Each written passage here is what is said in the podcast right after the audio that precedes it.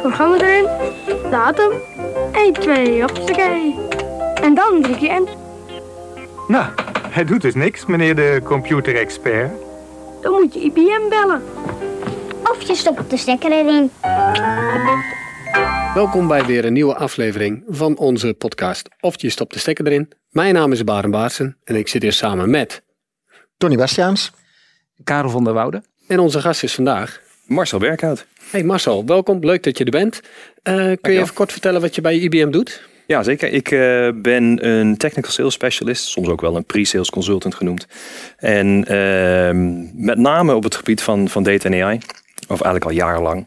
En ehm, daar hou ik me bezig met eh, wat we noemen de onderkant van het huis. Dus ik kijk heel erg naar de databases en, eh, en eigenlijk allerlei soorten datastores. En, eh, maar ook bijvoorbeeld een re- relatief nieuw data virtualization, data privacy. Ja, best wel breed. Ja, nou leuk. Nou gaan we straks even iets meer op in. Karel, heb jij nog wat meegenomen? Nieuwtje? Nou, ik heb niks meegenomen, maar ik heb wel eh, gezien zeg maar, waar de markt eh, zich weer naartoe ontwikkelt. Ehm, en Samsung kwam met een, eh, met een leuk statement, zeg maar. Eh, we zien dat er nou, steeds meer data is een van de dingen, dus we slaan steeds meer dingen op. We kunnen deze steeds meer dingen opslaan op kleinere devices. Eh, de target van Samsung is op dit moment in 2033 om een SSD op de markt te brengen met 1 petabyte aan capaciteit. 1 petabyte. 1 petabyte op één SSD. Ik ben, eh, ben benieuwd of ze die, eh, dat gaan halen. Eh, maar dat, ja, dat is gigantisch. Voor de consumentenmarkt? Eh, dat is, eh, nou, meestal zijn dat, dat voor is- die dat is turn of uiteindelijk- 34. Ik wou net zeggen, voor je filmpjes. ja. Nou, weet niet wat voor filmpjes jij maar hebt, dat betekent ook Marcel. wel dat... Als je ziet dus 1 petabyte aan device, dat dan eh, ja, voor de consumentenmarkt misschien niet direct een petabyte is, maar al heb je de helft daarvan bij spreken. ja, ja. Dat zit niet in mijn huidige laptop, laten we het zo zeggen. Nee. Nee. nee. Oké, nou ja, dat wil in ieder geval zeggen dat we dus heel veel meer data in de komende jaren kunnen gaan opslaan. Of in ieder geval eh 20. Ja, op een kleine footprint en dat soort dingen zijn Ja. natuurlijk altijd van belang. En dus eh, dat we daarmee omgaan. Het is dan de vraag dat- van wat is de extra snelheid daarvan, Ja. dat soort devices en dergelijke. Dus, Maar, eh, maar dat is ook wel mooi om te zien, want als we het een beetje hebben over sustainability, als je kijkt, als je nu, nou dan weet jij beter dan dat ik het weet, maar als je nu een storage systeem vervangt, wat je nu gewoon ziet is dat er gewoon twee rekken worden vervangen door eh, twee of vier uur eh, storage systeem, waar de- dezelfde data gewoon op kan en dat wordt straks gewoon nog kleiner. Ja, vaak sneller. eh, helemaal als je van de spindels afstapt. eh, Ja. En je gaat naar de, de solid states toe. Ja. Dus minder stroom en eh, minder ruimte. Meer capaciteit, sneller, hogere Nou, snelheid, dat soort dingen. En eh, ja, betrouwbaar absoluut. Ja. Ja. Oké. Leuk. En dan een andere, heel kort eventjes. eh, een, eh, op Computer Weekly was, eh, eh, werd beschreven naar Spectrum. Of IBM Spectrum eigenlijk. Die naam gaat, eh, vervalt zometeen. Eh, is al op de markt sinds 2015.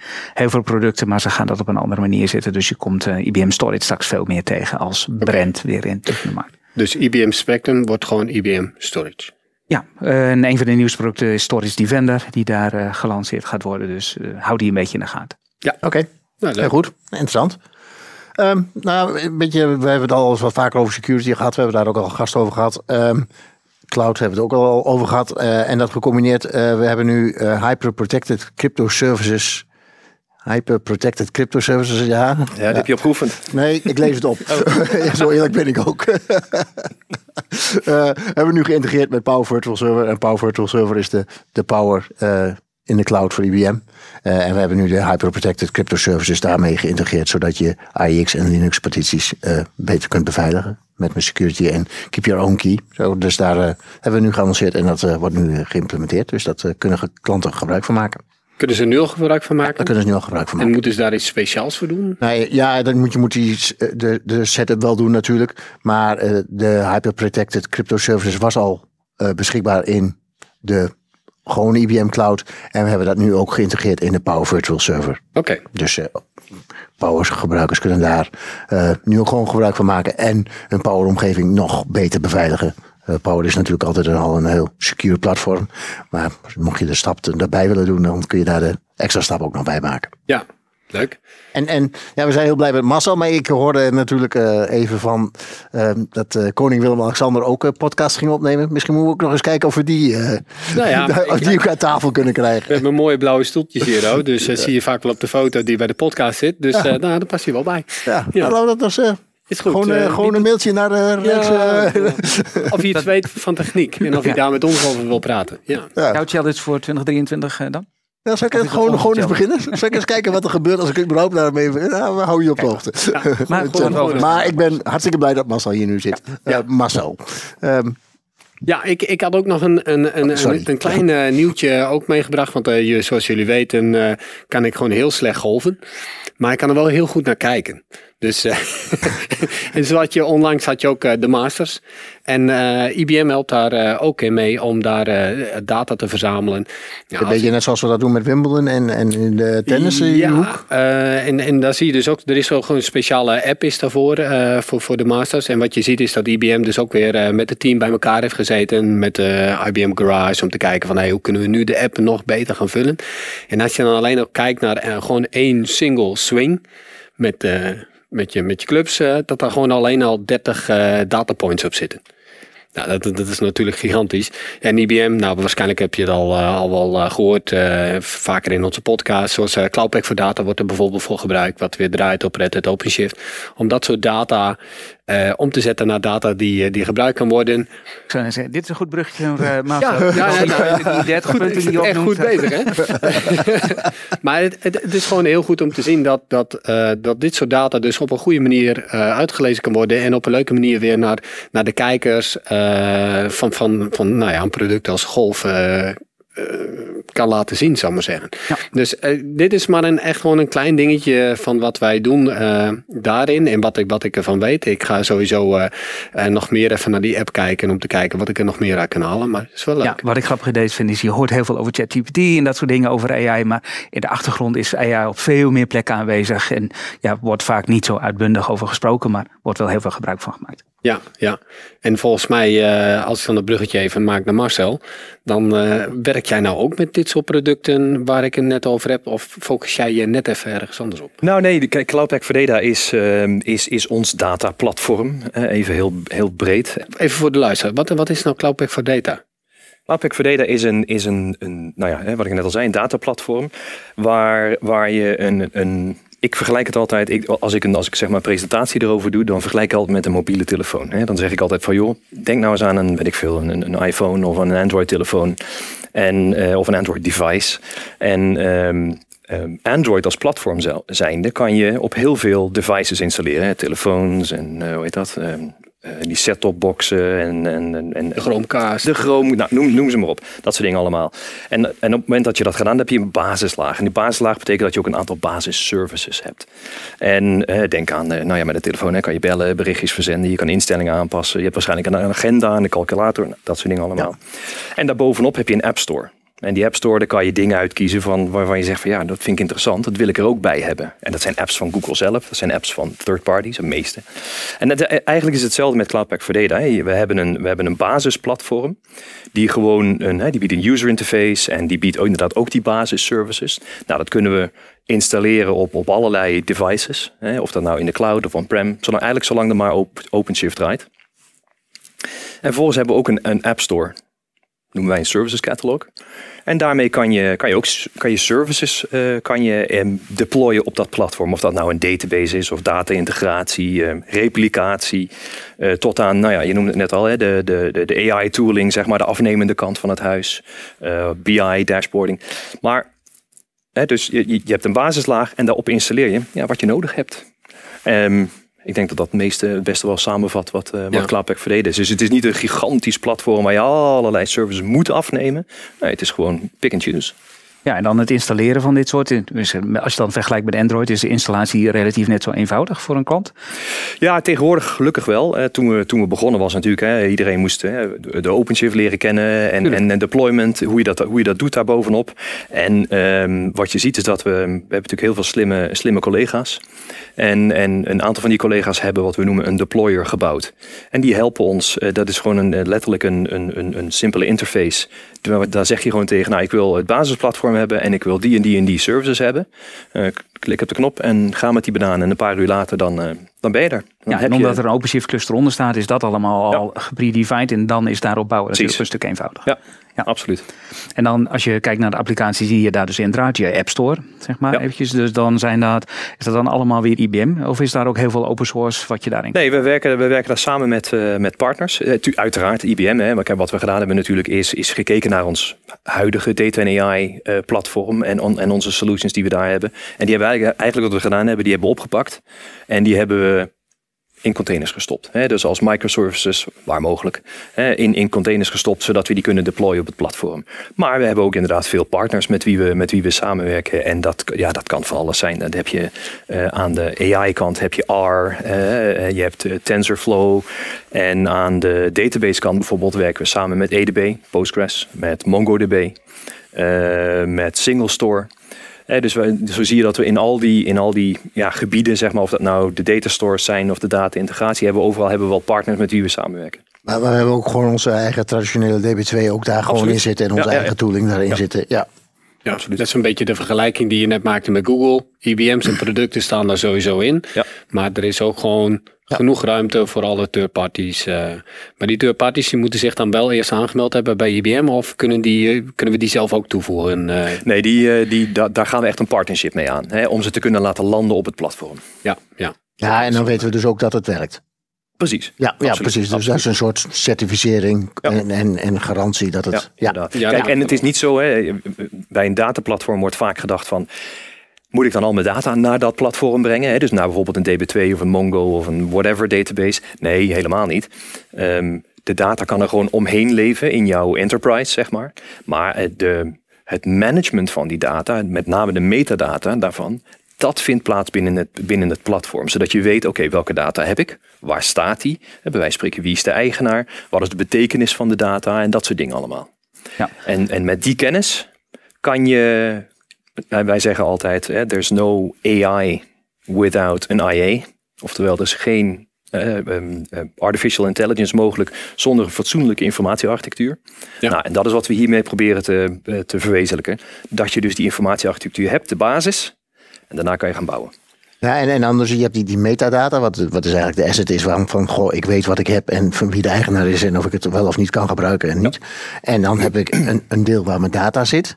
Ja. En, en dan eh, blijf ik databases vullen of kan ik daar ook nog wat intelligents, wat slims mee doen? Nou, wat wij, wat wij eigenlijk. We, hebben een aantal zeg maar, core services in, die, in dat platform zitten. En één daarvan is de metadata catalog. Ja. Hè, want daar sla je echt in op nou, wat, je, wat je net al zegt. Hè, van eh, waar staat mijn data en dat soort dingen allemaal. Ehm, de kennis over de data, eh, het vertrouwen van de data, hè, kan je daarmee ehm, managen. En vervolgens gebruiken we een datavirtualisatielaag die daarmee geïntegreerd is. Dat betekent dat een eindgebruiker, een eindgebruiker heeft toegang tot die data virtualization laag. Maar daaronder kunnen 1, 10, 100 andere soorten datastores hangen. Waar die eindgebruiker zich geen zorgen om hoeft te maken. Dus die, die hoeft nooit meer zeg maar, richting een DBA van... oh, mag ik alsjeblieft toegang tot jouw database? Of, of wat dan ook. Ja, dus eh, als je dat dan vertaalt naar, eh, wij komen eigenlijk uit de systems groep, zeg maar. Dus eh, dat is ons platform. Die van mij is storage. Dus ik ken het storage virtualisatieplatform, waarbij je dus allerlei storage systemen ergens onderhangt in een, de beheerder. Eigenlijk niet meer van belang is van waar staat de Nee. data, waar staat de storage Nee, nou. inderdaad. Nee, je krijgt gewoon een LUN. VMware, dus die virtualisatielaag of een Power virtualisatielaag. Ook die onderste resources worden gemaskeerd. En voor data virtualisatie is dat eigenlijk precies hetzelfde. Je maskeert eigenlijk de resources waar wat staat.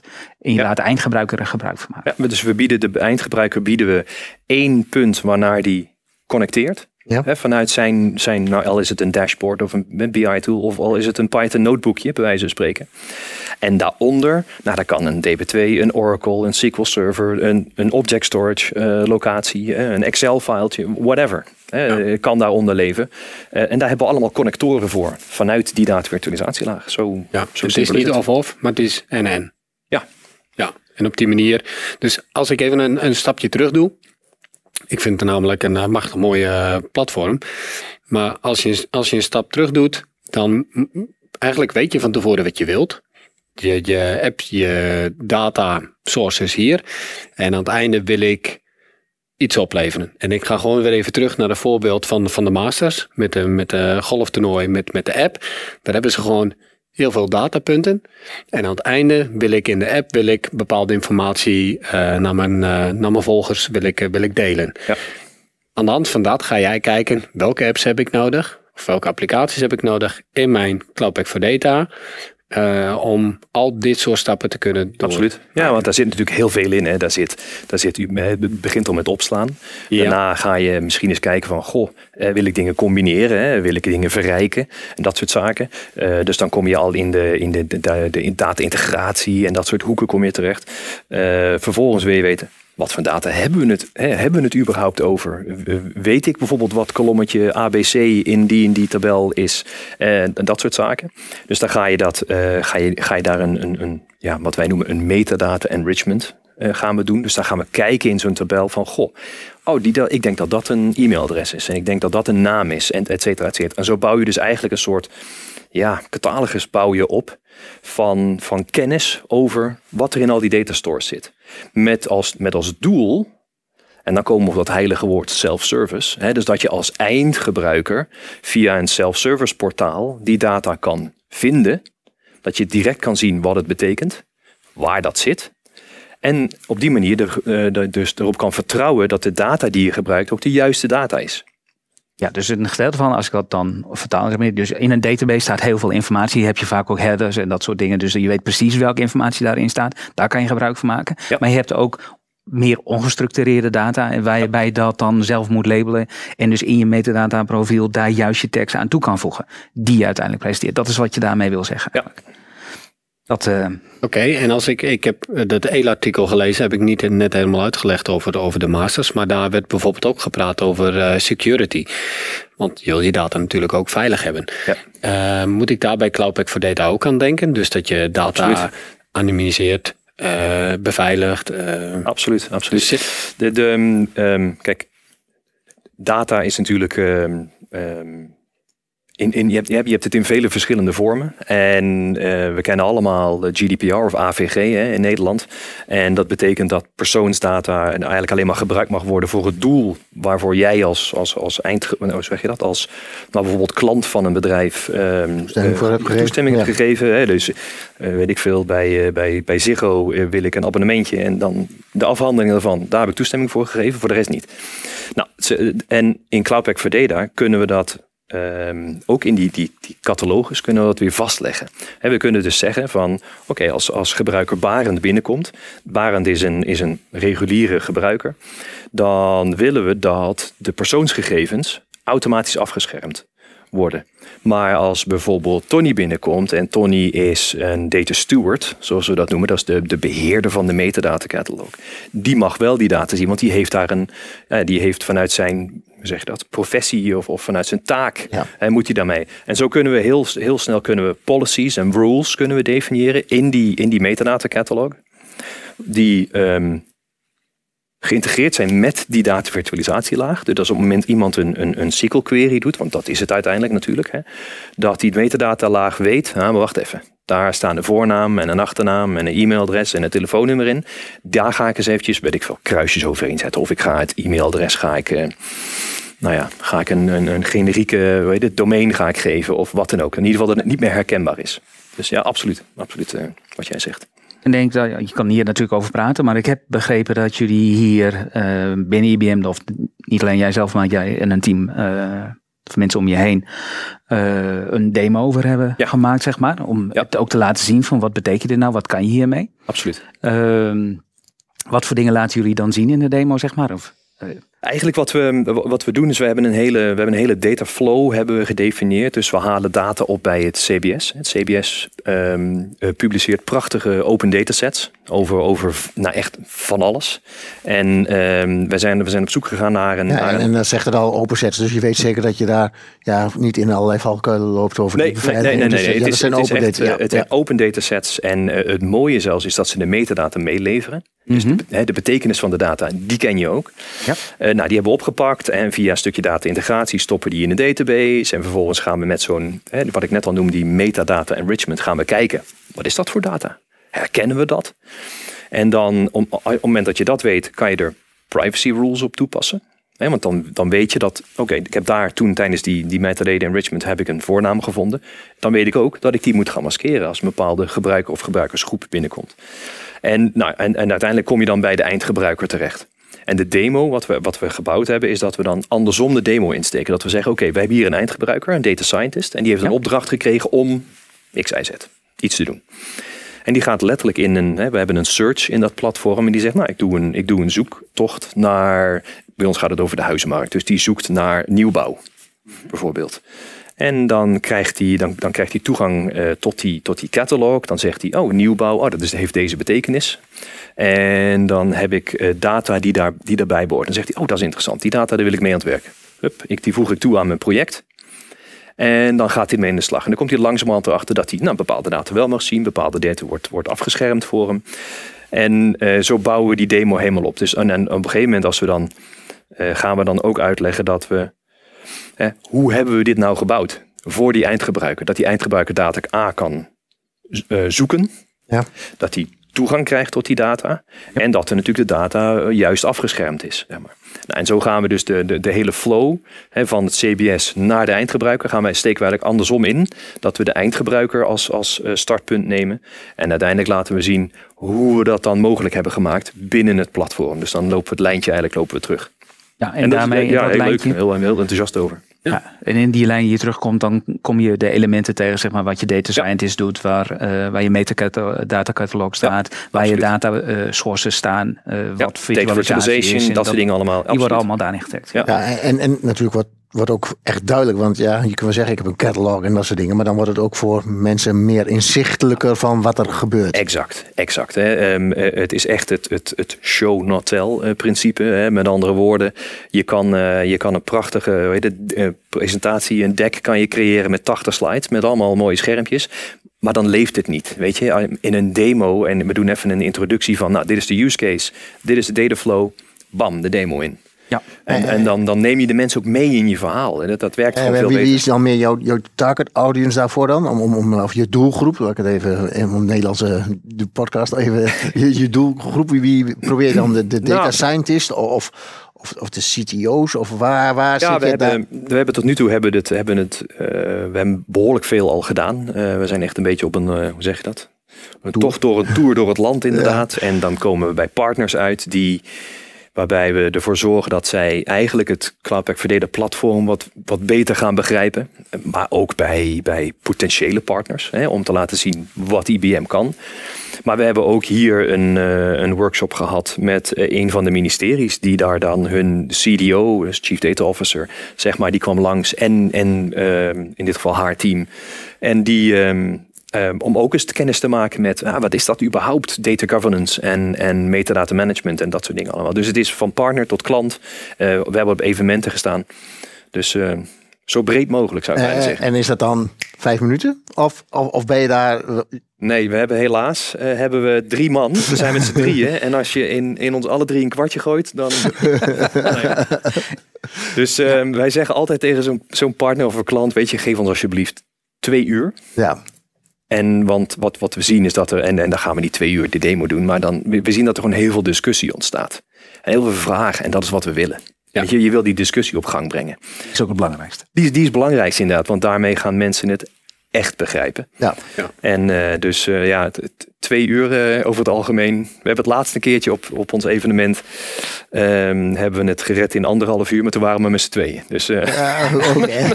maar oké, dus, dus maar eh, je bent gewoon te boeken voor, eh, ja, voor dit soort eh, dingen. Ja.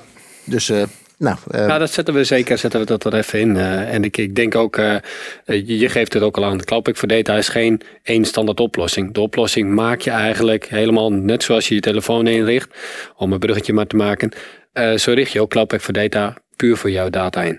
Nou, ik denk dat het heel goed is sowieso. Ehm, ik zie dat we alweer door onze tijd heen zijn. Eh, Marcel, bedankt. Ik zal je contactgegevens sowieso in de show notes zetten. Dus eh, ben je getriggerd door iets, neem contact op met Marcel. Want eh, ik denk dat dit zeker eh waarde is voor de toekomst. Dankjewel. Eh wij trekken de stekker er weer uit. En eh, tot de dankjewel. volgende keer. Dank.